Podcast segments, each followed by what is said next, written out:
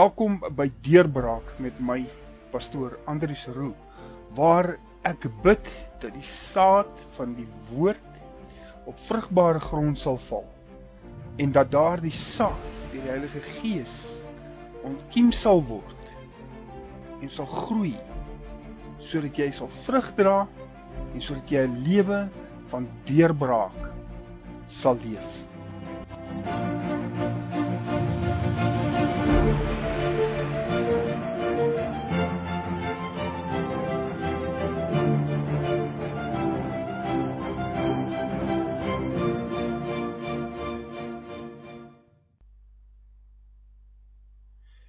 Vandag gesels ons bietjie oor ontmoediging en hoe jy ontmoediging kan oorkom. Om te begin, wat is ontmoediging? Wat beteken die woord? Ontmoediging beteken dat jy moed, hoop en vertroue verloor. Die vraag is, is jy vandag op daardie plek? Voel jy moedeloos? Raak jy ontmoedig? Ontmoediging is 'n vyand wat ons almal moet trotseer. Dit kom in baie forme voor. Dit ontneem ons van ons krag om aan te gaan. Want ons verloor hoop en visie in die tyd van negatiewe lewensomstandighede. Daardie stryd woed en omdat daardie stryd woed, raak ons moeg en ons raak tam. Om mee te begin, kom ons begin net om te kyk na 'n paar nuwe effekte van hierdie siekte van die siel, want ontmoediging is 'n siekte van die siel. Kom ons kyk 'n bietjie na 'n paar nuwe effekte. Dit laat jou die dinge wat God vir jou beplan vir my. Dit verhoed dat jy vooruitgang in die lewe. Dit verbreek jou vertroue in God. Dit wek kommer, angs in jou lewe. Dit wek frustrasie, hopeloosheid en dit bring jou tot slawerny. Dit veroorsaak dat jy die woord van God nie ter harte neem nie. Jy hoor die woord van God, maar jy neem dit nie ter harte nie dit veroorsaak baie dikwels dat mense hulle werk verlaat van hulle huweliksmaat skei dat hulle hulle kinders selfs verlaat. Mismoediging is 'n erosie van jou moed. Dit laat jou stelselmatig moed verloor wat deur vrees veroorsaak word totdat dit wanhoop bring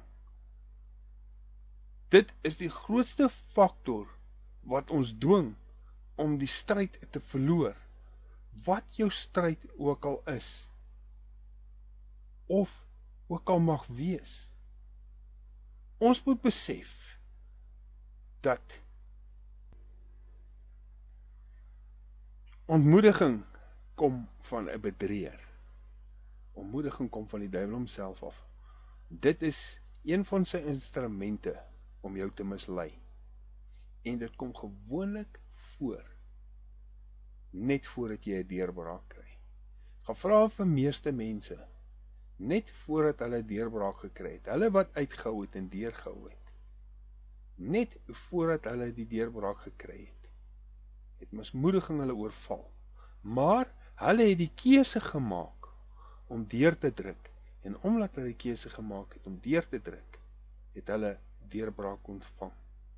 Weet jy wat die hartseer van die saak is dat ons samelewing vol van mense is wat ontmoedig en depressief is. Ek wil begin deur te kyk na 'n paar mensies in die Bybel. Sterk leiers, sterk profete wat ontmoedig geraak het as gevolg van hulle omstandighede. Die woord is so wonderlik. Dit gee vir ons nie net die positiewe aspekte nie. Dit wys ons soms 'n bietjie oor die negatiewe aspekte ook. Kom ons kyk gou-gou. Ons kyk na Job. Job het moedeloos gevoel met sy vrou met sy vriende. Want hulle kon nie snap nie.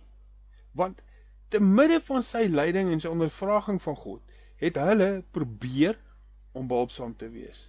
Maar die uiteinde daarvan was dat hulle meer skaamte en skuld op Job geplaas het omdat hy swaar gekry het. Jy weet, ons kan deur ons vriende en familie ook in die steek gelaat word. Want onthou, hulle verstaan nie waar hierdie gaan nie. Of hulle bied nie aan jou die hulp soos wat jy wil hê hulle moet dit aan jou bied nie. En daardie teleurstelling kan swaai na ontmoediging toe. Dit kan ontmoediging in jou lewe veroorsaak. Elia het ontmoediging geraak met sy lewensomstandighede.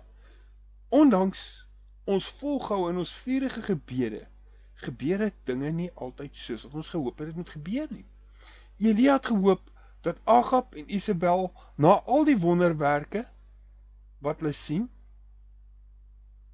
en dat die Israeliete nadat hulle gesien het wat op die berg van Karmel gebeur het, berou sou hê en God eers sou stel.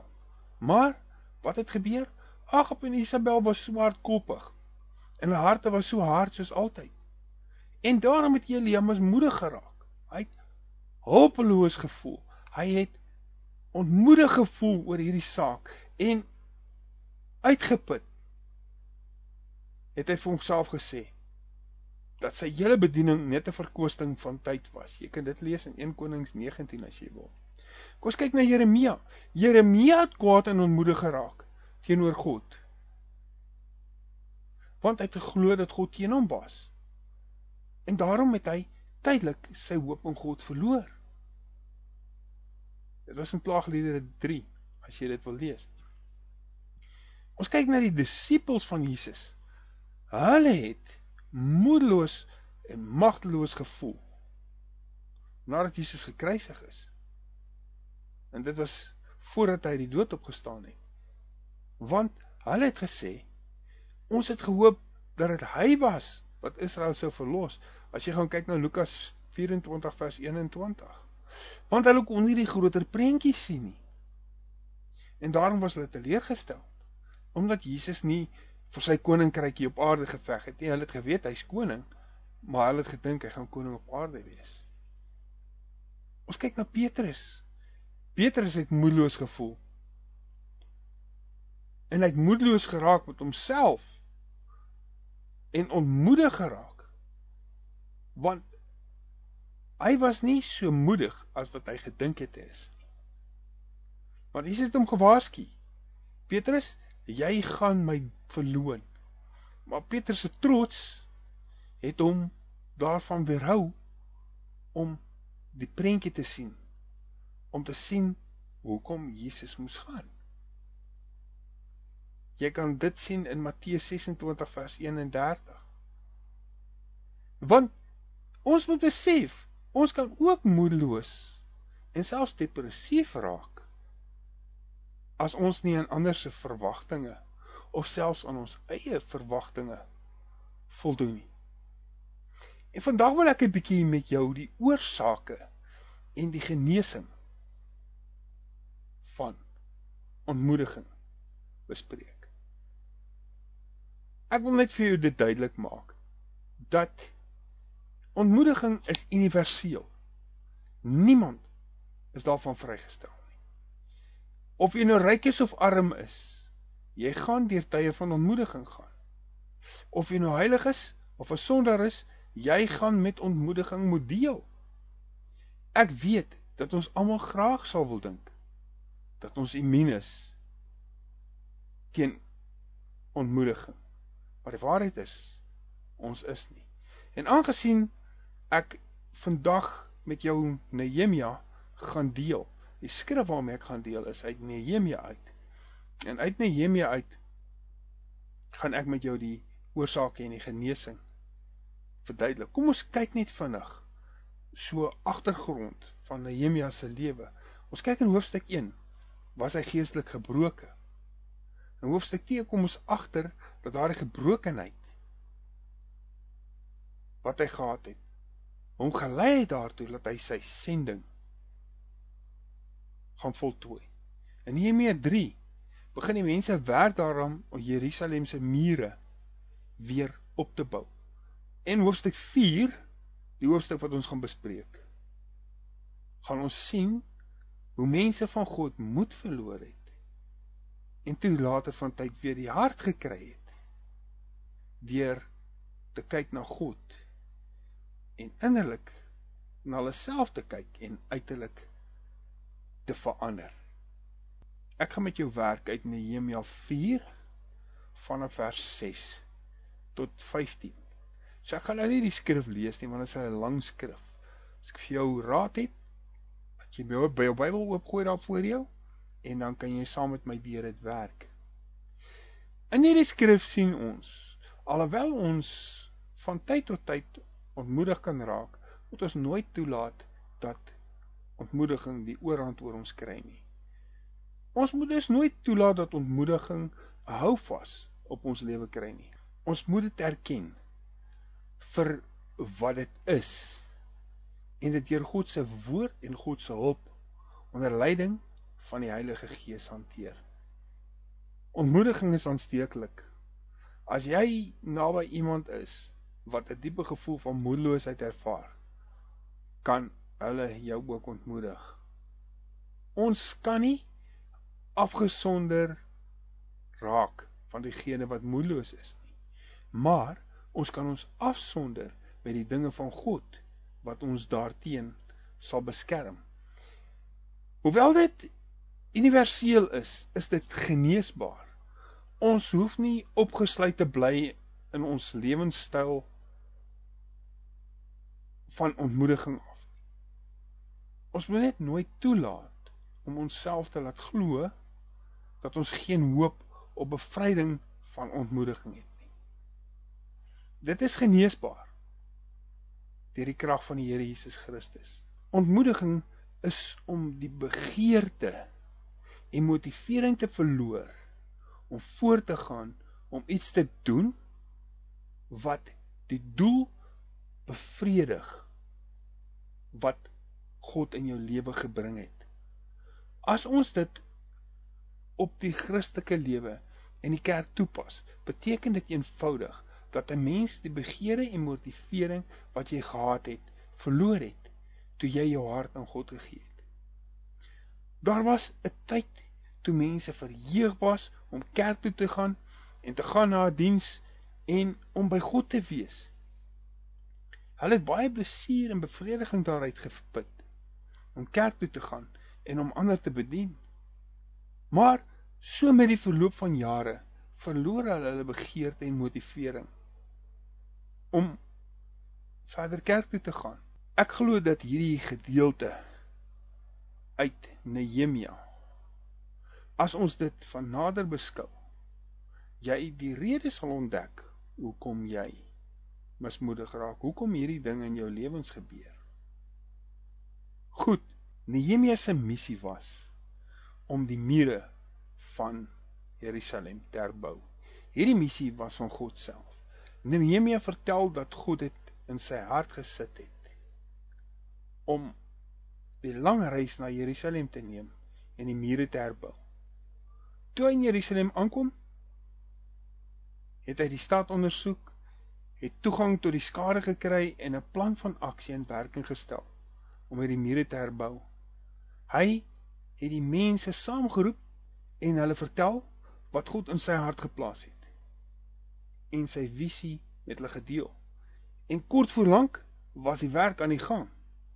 Nehemia 4 vers 6 sê vir ons dat hulle half klaar was toe ontmoediging sy kop uitsteek.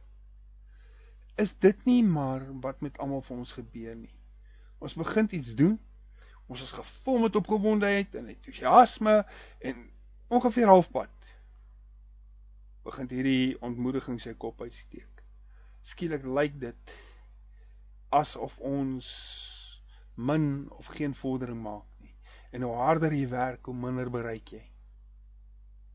As ons hierdie hoofstuk nou noteer gaan bestudeer, kan ons kyk na die oorsake van hoekom dit gebeur en die genesing van hierdie siekte van ontmoediging ontdek. Kom ons begin by punt nommer 1 en ons kyk na die oorsake van ontmoediging. Uit hierdie skrif sien ons vier oorsake van ontmoediging. Ons begin by die eerste een. Ontmoediging as gevolg van verlies van krag. As jy gaan kyk na Nehemia 4 vers 10. Maar Juda het gesê, die krag van die lasteraars beswyk en die pynhoop is groot sodat ons nie aan die muur kan bou nie. Die grootste oorsaak van ontmoediging is moegheid. Hulle was dood eenvoudig net uitgeput. Hulle het lank en hard gewerk vir 'n baie lang tydperk. Hulle was liggaamlik, geestelik en emosioneel uitgeput. Hulle was moeg, hulle was afgemat, hulle was uitgeput. En as jy uitgeput is, is dit moeilik om geestelik of emosioneel sterk te wees. Wanneer kom ontmoediging gewoonlik voor? Wanneer skop ontmoediging in? Vers 6 sê: "Maar ons het die muur opgebou en die hele muur is tot op sy helfte herstel en die volk was met hulle harte in die werk." Moegheid en ontmoediging skop gewoonlik by die middelpunt in. Almal het gewoonlik baie energie as hulle begin. Dis 'n nuwe projek, dis 'n nuwe probleem, dis 'n nuwe oplossing. Maar na rukkie vervaag die nuutheid en die entoesiasme van die projek. Jy begin verveeld en moeg raak en dit lei tot ontmoediging. Dit gebeur gewoonlik nadat jy lank en hard gewerk het. En dit lyk net asof die prestasie nie ooreenstem met die energie en moeite wat jy daarin sit nie. Ons moet altyd altyd ons energievlak nagaan, geestelik, fisies of emosioneel, om te sien of ons 'n bietjie rus en restaurasie nodig het. Een van die volgende oorsake is frustrasie as gevolg van 'n verlies aan visie. Ons kyk na vers 10. Hy sê en die pynhoop is groot. Hier wil ek ook 'n ander skrifgedeelte inbring. Esra 4 vers 4 tot 5. Toe het die volk van die land die hande aan die volk van Juda laat verslap en hulle afgeskrik om nie te bou nie. En hulle het raadgewers teen hulle gehuur om hulle plan te verydel al die dae van Kores die koning van Persië tot die regering van Darius die koning van Persië hier as ons kyk na die woord verydel beteken dit om te breek te vernietig weg te doen en te laat misluk dit is presies wat die vyand met jou wil doen hy wil jou breek en jou werk en diens vir God wil hy vernietig Hy wil jou wegdoen. Hy wil jou laat misluk. Hy wil jou oneffektief maak. Hy wil jou lewe van enige betekenis vernietig. As ek en jy ontmoediging gefrustreerd raak, gebeur dit met ons. Dit is egter nie God se plan of sy doel vir ons lewens nie. Jy en ek is kinders van God. Ons is bestem om te slag. Ons is bestem om te oorkom en effektief te wees in wat ons doen tot eer van God en tot voordeel van ander. Slegs wanneer ons toelaat dat ons deur ontmoediging oorkom word, misluk ons. Ek loof die Here dat jou mislukking nie finaal hoef te wees nie. Ons raak gefrustreerd wanneer ons ons doel en ons lewensdoel verloor. As ons begin rondkyk en sien die rommel wat in ons lewens is, die gemors van wat oor ons kom, dan verloor ons die belangrikste ding in ons lewens, die visie wat God aan ons gegee het. Hoeveel van ons het die soort werk waar jou werk net nooit klaar is nie? Jy weet hoe frustrerend dit is. Jy kry nooit heeltemal klaar nie. Sodra jy die een ding voltooi het, dan volg die ander. Jou werk hou net nooit op nie. Jy kan maar huisvrou vra. Hulle werk hou nooit op nie. Hulle is altyd besig om met iets nuuts te doen en as die een ding ophou is daar altyd die ander een. En dit is frustrerend en dit kan veroorsaak dat jy ontmoedig raak. Wat is die pynhoop in jou lewe? Is die pynhoop nie daardie nietige dinge in jou lewe wat jou daarvan weerhou om jou hoofdoelstelling te bereik nie. 'n Ander punt, ontmoediging is as gevolg van 'n tekort aan vertroue. Ons kyk nou ons weer eens kyk ons na vers 10. Sodat ons nie aan die muur kan bou nie. 'n Tekort aan vertroue het 'n groot bydrae tot jou ontmoediging. As jy krag verloor, verloor jy die vermoë om te funksioneer. As jy jou visie verloor, verloor jy jou vermoë om te sien hoe jy moet funksioneer. Vervolgens verloor jy jou vertroue en jou vermoë om te funksioneer. As jy kyk na die laaste gedeelte van vers 6, dit vertel ons dat die mense van plan was om te werk. Om dit anders te stel, het hulle eintlik gesê dat hulle die hart gehad het om te werk. Iewers langs die pad het hulle die hart verloor om aan te hou werk. As ons ons vertroue verloor, verloor ons ons hart. Jy het al die gesegde gehoor. Hulle het net nie meer die hart daarvoor nie. As ons ons motivering verloor, word ons oorweldig deur die leë gevoel dat ons nooit sal bereik wat ons beplan het nie. Niks kan meer ontmoediging wees as die gevoel van mislukking nie. Ek kon nie klaar gemaak het wat ek begin het nie. Ek het gedink ek het gehad wat dit nodig was om te slaag. Die vraag is, hoe reageer jy op mislukking? Hoe reageer jy daarop as jou planne ineenstort? As dinge nie betyds bereik word en jy nie jou oorspronklike doel bereik nie, kry jy jouself jammer, blameer jy jouself, begin jy ander mense blameer, begin jy kla. Dis onmoontlik. Net sodra ek dink ek bereik my doel, dan skuif iemand weer daardie doel. Wenners beskou mislukking slegs as 'n tydelike terugslag. Dit bring ons dan by die laaste punt van die gevolge vrees as gevolg van 'n verlies aan sekuriteit. Ons kyk na vers 11 en 12. En ons teestanders het gesê hulle mag niks weet en sien nie totdat ons tussen hulle inkom en hulle doodslaan en 'n einde maak aan die werk. En toe hierdie Jode wat by hulle gewoon het, inkom en wel 10 maal uit al die plekke aan ons sê, julle moet na ons toe terugkom. Die finale oorsaak van ontmoediging is vrees wat kom as gevolg van onsekerheid. Luister na die eerste gedeelte van hierdie vers van vers 11. En ons teestanders het gesê: As ons ophou om na God te luister, sal ons na ons teestanders begin luister. Romeine 10:17 sê: Geloof kom deur die gehoor en gehoor deur die woord van God. Aan die ander kant kom vrees as gevolg van die luister na die verkeerde stem. Ons luister na die stem van ons teestanders. As ons kyk na die agtergrond van hierdie verhaal, dan sien ons dat daar vyande was wat nie wou gehad het die muur moet gebou word nie. Hulle het alles in hulle vermoë gedoen om te keer dat hierdie muur gebou word. Eers het hulle Jode bespot, toe gekritiseer, uiteindelik het hulle die Jode gedreig. Ons gaan julle doodmaak. Niemand hou daarvan om gespot, gekritiseer en gedreig te word nie.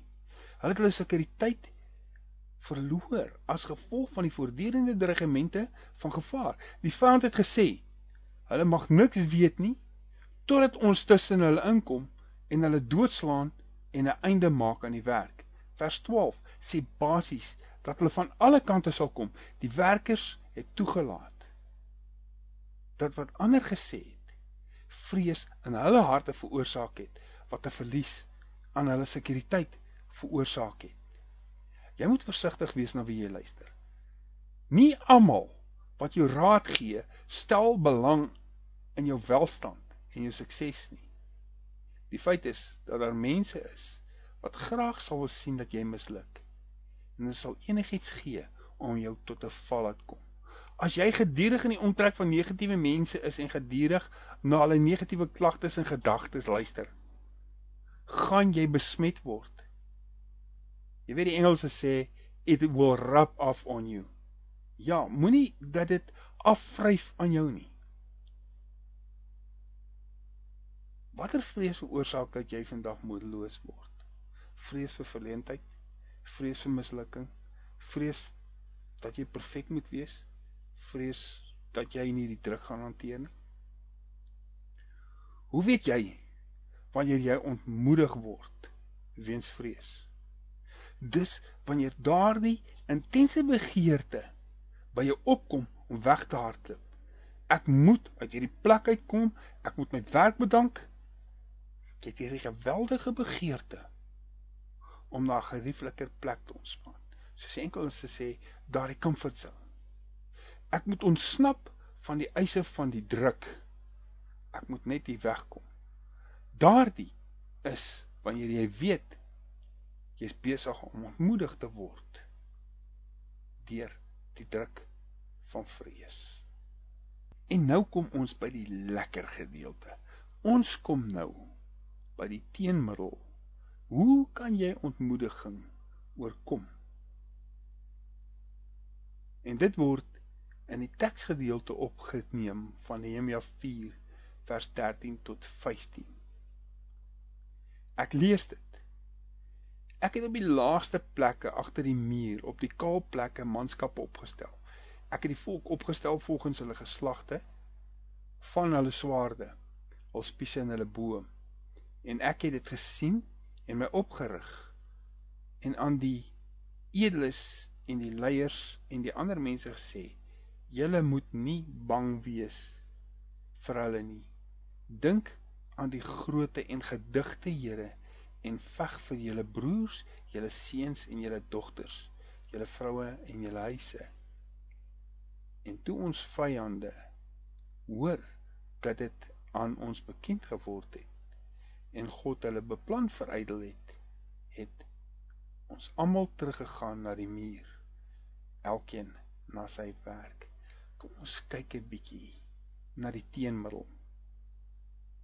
Die belangrikste ding is jy moet rus en ontspanning vir jou liggaam en jou verstand vind.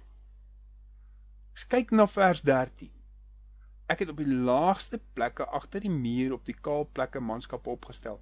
Ek het die volk opgestel volgens hulle geslagte met hulle swaarde, hulle spiese en hulle boë. Nehemia moes mense rondskuif om dit te doen. Hy moes die werk vereers staak. Soms is die beste ding wat jy moet doen as jy ontmoedig raak om te stop wat jy doen om jou liggaam en jou gees te laat rus. Jy weet na 'n bietjie rus en ontspanning kan jy dalk met 'n nuwe benadering tot dieselfde taak terugkeer. Net vir ingeval jy wonder of dit Bybels is, kom ek wys jou wat die woord oor rus sê. Psalm 127 vers 2 sê: Ter vergeefs dat jy vroeg opstaan, laat opbly brood van smarte eet. Net so goed gee hy aan sy beminde in sy slaap. Ter vergeefs dat jy vroeg opstaan laat opbly.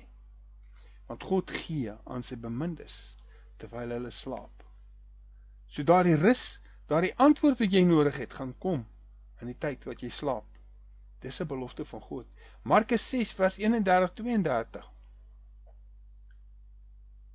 En hy sê vir hulle: Kom julle self in die eensaamheid na 'n verlate plek en 'n rus 'n bietjie, want daar was baie wat kom en gaan en hulle het selfs geen geskikte tyd gehad om te eet nie. En hulle het met die skei vertrek na 'n verlate plek in eensaamheid. Hier sê Jesus vir sy disippels kom. Kom ons gaan na 'n verlate plek toe, ons gaan raak rustig, want hulle was so besig dat hulle nie eers tyd gehad het om te eet nie. Is dit nie wat met jou ook gebeur nie? Dat jy soms op 'n plek is dat jy so besig is dat jy nie eet nie. Jy's so besig dat jy nie tyd kry om te rus nie. En hier sê Jesus self: Kom na die eensaamheid, kom na 'n verlate plek, toe kom 'n bietjie weg van al hierdie dinge af. Jy moet onthou om balans in jou lewe te kry. Jy moet reg eet, jy moet reg slaap, jy moet oefen en jy moet ontspan. Rus is so belangrik dat dit God dit in die 10 gebooie opgeteken het. Hy het gesê elke sewende dag moet jy rus. As jy dit ignoreer, verseker ek jou jy gaan onmoedig raak. Neem 'n bietjie tyd af sonder jou af van die dinge wat jou ontmoedig maak.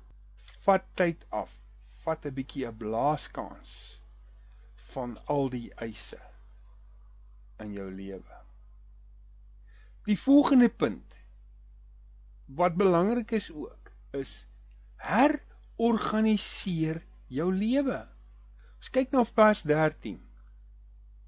Het ek op die laaste plekke agter die muur die kaal plekke manskappe opgestel. Ek het die volk opgestel volgens hulle geslagte met hul swaarde, hul spiese en hulle bo.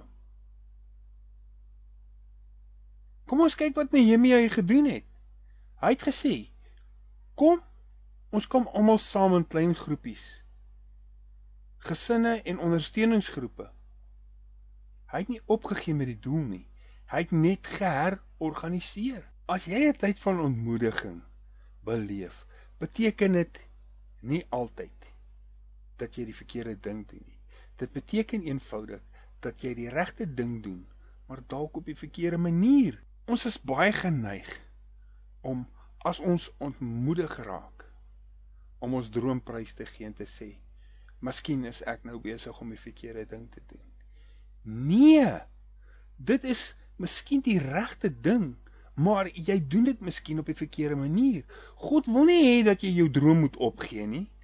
Hy wil net hê dat jy dit moet herorganiseer. Probeer 'n nuwe benadering, probeer iets anders te doen. Nehemia het hulle pogings om 'n gemeenskaplike doel te bereik. Verenig familielede is oral op die muur versprei. En jy ja, jy Nehemia, jy sal die werk meer effektief kan doen as jy jou gesin kry om saam te werk.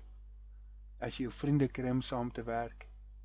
Dis baie makliker om te konsentreer as jy weet waar die res van jou familielede is en jy weet hulle is veilig.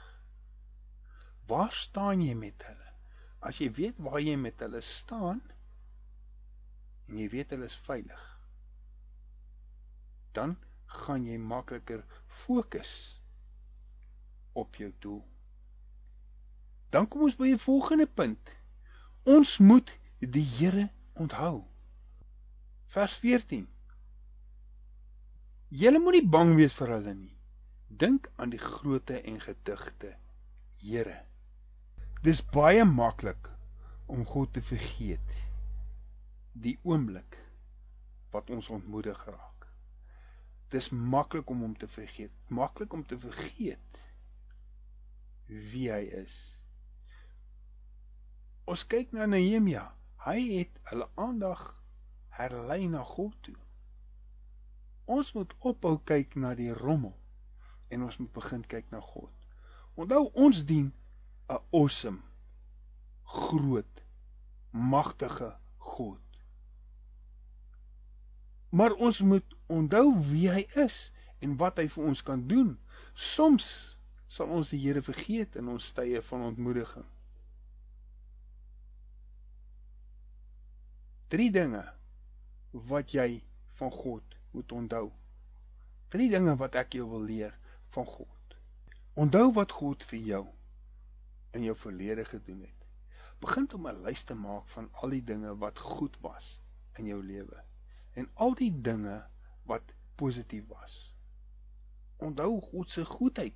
Maak 'n lys Tel jou seëninge een vir een en jy sal verbaas wees wat die Here vir jou gedoen het. Jy moet God se goedheid onthou wat hy vir jou in die verlede gedoen het. Hier wil ek net 'n tipiese voorbeeld noem. Ons kyk na die Israeliete. Hulle kom droogvoet deur die Rooi See. En nie eers 2 dae verder, nie eers 'n paar dae verder nie. Kom hulle by bitter water en hulle murmureer en klaar. As hulle onthou het wat God vir hulle gedoen het. As hulle onthou het dat hy vir hulle deur 'n rooi see, deur 'n see droogsvoet laat kom. Dink net wat het gebeur as hulle dit onthou het. Hulle het gesê: "Bitter water, niks nie. Ons God kan hierdie water vir ons net so soet maak." Verstaan jy? Punt nommer 2 is: Onthou God se teenwoordigheid is altyd by jou. Jesus sê: "Kyk, ek is altyd by jou. Ek sal jou nie begewe of jou verlaat nie." Jy is nooit sonder Christus nie. Maak jou oë oop en sien God se nabyheid in jou huidige toestand. Daar is geen ervaring in die lewe wat jy gaan deurmaak wat God nie saam met jou gaan deurgaan nie. Erken. Sê dit vir jouself. Ek is nie alleen hier nie. Maak oop jou oë. Hy is nou op die oomblik is hy by jou. Dit kom by punt nommer 3. Onthou sy beloftes vir die toekoms. God se woord is vol beloftes. Hy sê: "Soos jou dae so is, sal jou krag wees. Ek sal jou die krag gee. Ek sal jou help." God gee jou telkens hierdie beloftes van die krag in sy woord. Hy beloof vir jou in Jesaja 40 vers 31 Ek sal jou help. Ek sal jou versterk. Ek sal jou hierdeur sien. Hou jou gedagtes van die ontmoedigende omstandighede af en let op die Here. Psalms 119 vers 25. My siel kleef aan die stof. Maak my lewend na u woord. As jy die vinnigste teenmiddel vir ontmoediging wil hê, gaan na die woord van God. Laat toe dat die woord jou metgesel word. Jy weet 'n wonderlike belofte in Jeremia 29 vers 11 wat jy kan aan vasklou. Want ek weet watter gedagtes ek aangaande jou koester. Spreek die Here, gedagtes van vrede en nie van onheil nie. Vir jou om 'n hoopvolle toekoms te hê. Dis wat God se belofte vir jou is. Ons kyk na Jona 2 vers 7. Jona is op die bodem van die see in die buik van 'n groot vis. En daar staan: Toe my siel in my versmag het, het ek aan die Here gedink en my gebed het tot by U gekom in die heilige tempel.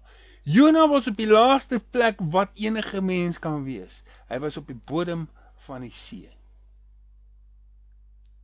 en nie net in die bodem van die see nie, hy was nog in die buik van 'n vis. En hy sê, en my gebed het tot by u gekom in die heilige tempel. God sal jou woord, jou gebed verhoor. Hy sal want hy sê vir jou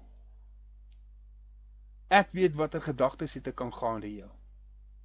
Gedagtes van vrede, nie van onheil nie. God wil nie jy moet deur onheil gaan nie, hy wil hê jy moet vrede hê en 'n hoopvolle toekoms. Hou vas daaraan. Ons volgende punt wat ek wil bespreek oor hoe om ontmoediging te oorkom is weerstaan die ontmoediging. Vers 14. Julle moet nie bang wees vir hulle nie. Dink aan die groote gedigte Here en veg vir julle broers, julle seuns en julle dogters, julle vroue en julle huis. Jy moenie moed verloor sonder om te beklei nie. Moenie net omrol en dood speel nie. Weerstaan dit. Weerstaan die ontmoediging. Onthou waarmee jy besig is. Jy is besig om dit vir jou gesin te doen. Dit gaan nie meer net oor jouself nie. Dit gaan oor jou gesin. Dit gaan oor jou kinders. Dit gaan oor die mense vir na wie jy moet kyk. Daar is mense wie jy moet help. En weet jy wat? As jy nie 'n huisgesin het of mense om na te kyk nie. Is daar broers en susters waarna jy moet kyk? Broers en susters in Christus waarna jy moet kyk. Daar sal altyd iemand wees na wie jy moet omsien. En daarom is dit moet dit jou fokuspunt wees. Jou fokuspunt moenie op jouself wees nie. Jou fokuspunt moet wees op ander wat jy kan help as jy aangaan. Die Bybel sê vir ons in Jakobus 4 vers 7 tot 8: Onderwerp julle dan aan God. Weerstaan die duiwel en hy sal van julle wegvlug. Nader tot God en hy sal tot julle nader. Reinig julle hande, julle sondaars en suiwer die harte, julle dubbelhartiges. Kom ek parafraseer hierdie ding. Jakobus sê: Gee jou lewe aan God en weerstaan dan die duiwel en hy sal van jou wegvlug. Dan moet jy tot God nader en God sal tot jou nader. Hoe kan ek nader aan God kom? Jakobus sê: Dit is deur jou sondige dade prys te gee en deur jou hart en jou gedagtes na God terug en op God te stel en om in lyn van God se wil te wees. Ons moet beklei om hierdie negatiewe kragte te te werk. Jy hoef nie ontmoedig te wees nie. Dit is 'n keuse. As jy moedeloos is, is dit omdat jy kies om ontmoedig te wees. Gedagtes soos ek gaan nou ingee. Ek kan nie meer verder nie. Ek gaan nou net 'n bietjie sit en myself in jammer kry. Ek gaan kies om mismoedig te wees. Jy hoef nie mismoedig te wees nie. Jy hoef nie ontmoedig te wees nie. Dis 'n keuse. Baie mense kom en sê ek voel moeg en ne negatief en af. Dan sê ek, "Hoekom voel jy so?" Maar ek weet nie. Jy weet hoekom jy so voel. Want dit jy kies om so te voel. Jy kies om mismoedigheid, ontmoediging die oorhand te gee. Jy kies om jouself jammer te kry. Ek sê nie altyd as 'n mens negatief is, beteken dit jy kry jouself jammer nie. Weet jy, ons hemelse Vader het vir ons emosies gegee. Somstyds is emosies deel van ons liggaam om vir ons iets te vertel. So, moet my nie verkeerd verstaan as ek sê elke keer as 'n ou ontmoedig is, gaan dit oor selfbejammer nie. Al wat ek sê is ek sê ook nie jy moet nie emosies ervaar nie. Ek sê ervaar emosies, maar moenie dat die emosies die beheer oor jou het nie. Jy moet in beheer wees van die emosies. Hoor wat die emosies vir jou sê. Voel wat dit vir jou sê en tree op daarvolgens. Moenie laat dit die oorhand kry nie. Too much information, maar Ek voel ek moes dit net sê. En nou die laaste punt van hoe om ontmoediging te oorkom is keer terug na die werk. Vers 15. En toe ons vyande hoor dat dit aan ons bekend geword het en God hulle plan veruil het, het ons almal teruggegaan na die muur, elkeen na sy werk. Hulle het lank genoeg gestop om te rus, te ontspan, te herorganiseer, krag gekry om die vyande te weerstaan en is daarna weer terug na hulle werk toe. Hulle was net halfpad klaar. So daar was nog baie werk om te doen. Vir dit wat God ons geroep het om te doen sal hy ons in staat stel om dit te doen deur die krag van sy Heilige Gees.